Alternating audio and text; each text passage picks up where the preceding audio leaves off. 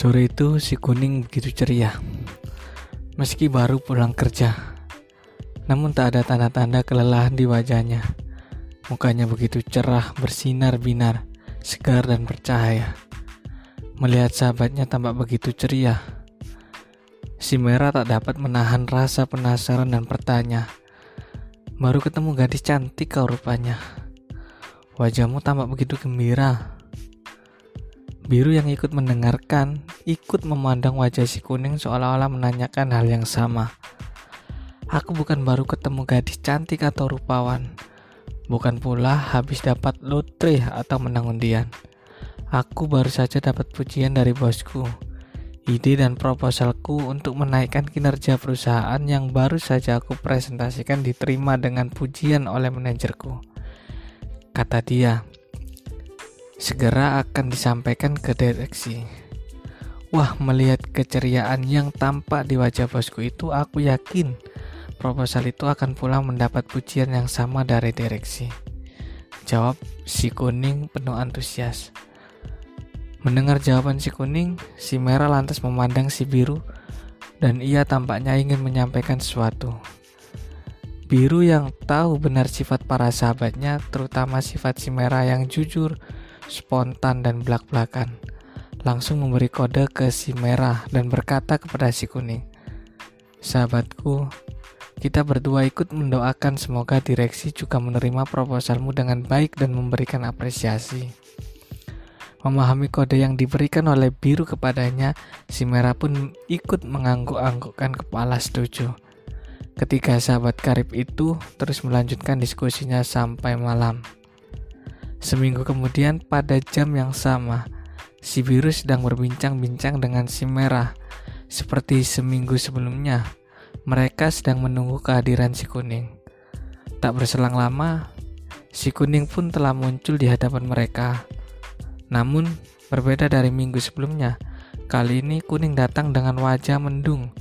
Pancaran air mukanya kacau, terlihat sedih, kecewa, menyimpan marah yang terpendam dan geram. Bahkan tidak seperti biasanya, tanpa berbahasa basi, tanpa salam, si kuning duduk begitu saja di hadapan kedua sahabatnya. Si merah dan si biru berpandangan seperti biasa. Si biru tetap tenang dan memberi tanda kepada si merah untuk tetap diam dan tenang. Meski merasa penasaran, si merah patuh dan dia membisu. Setelah terdiam cukup lama, akhirnya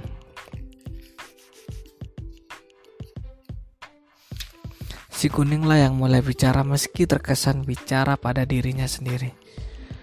Kurang ajar, benar-benar kurang ajar. Berulang-ulang si kuning meneriakkan kalimat yang sama. Meski merasa makin penasaran, merah juga tidak berani bicara. Ia menunggu si biru. Setelah menganggap waktunya tepat, si biru akhirnya mulai bicara. Suaranya pelan, berat satu-satu, tapi penuh simpati. Kuning sahabatku, kalau kau tak keberatan, silakan kamu sampaikan pada kami apa yang telah terjadi.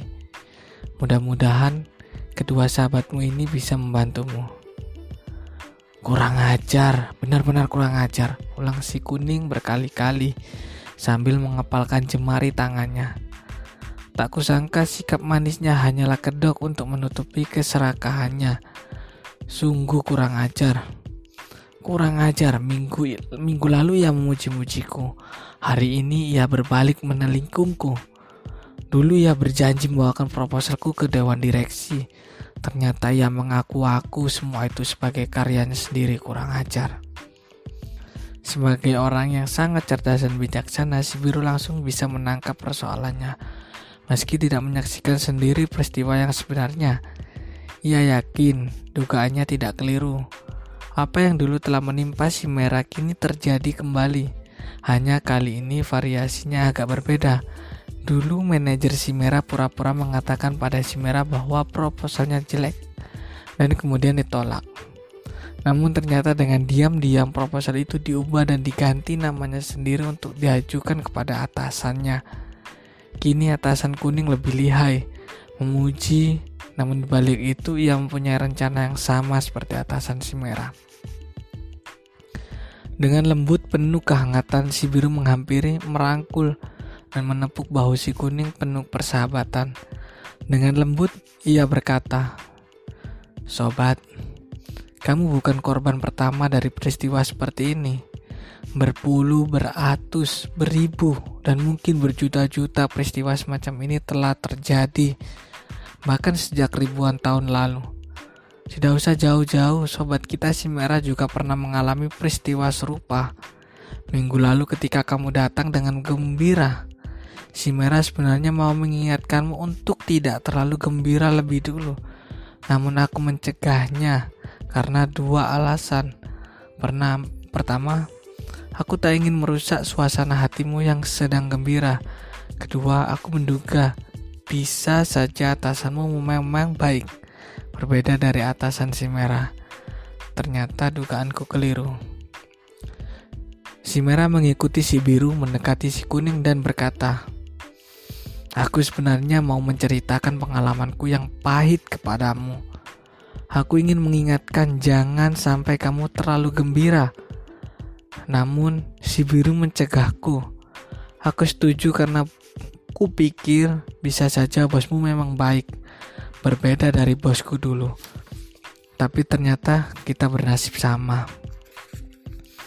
Inilah sebabnya aku bisa memahami betapa sakit hatimu. Dulu aku juga merasakan hal yang sama, kata si merah dengan nada prihatin. Setelah sejenak, si merah lalu menoleh dan memandang si biru. Dari sekilas tatap matanya, ia tahu bahwa ia diminta si biru untuk menjelaskan lebih lanjut tentang apa yang dulu ia rasakan. Sobat, dulu aku benar-benar sakit hati. Kecewa, sangat kecewa. Namun biru memberikan nasihat ia menceritakan tentang Wei Singgao, salah satu orang yang disebut-sebut Sing Ren Kongzi. Wei Singgao terlihat dermawan di mata orang. Namun, Kongzi tahu bahwa sebenarnya Wei Singgao tidaklah jujur. Ketika tetangganya meminta cuka, ia memintanya dari tetangga yang lain. Kemudian ia mengakuinya seolah cuka itu miliknya sendiri. Maka kebaikan yang terlihat pada dirinya sebenarnya milik atau hak orang lain. Papar si merah dengan penuh perasaan. Sejak zaman dahulu, banyak orang punya sifat seperti Wei Singgao itu. Mereka berpura-pura baik, namun kebaikan dan kehebatannya sebenarnya berasal dari orang lain. Mereka mengakui hak atau karya orang lain sebagai hak atau karya mereka sendiri.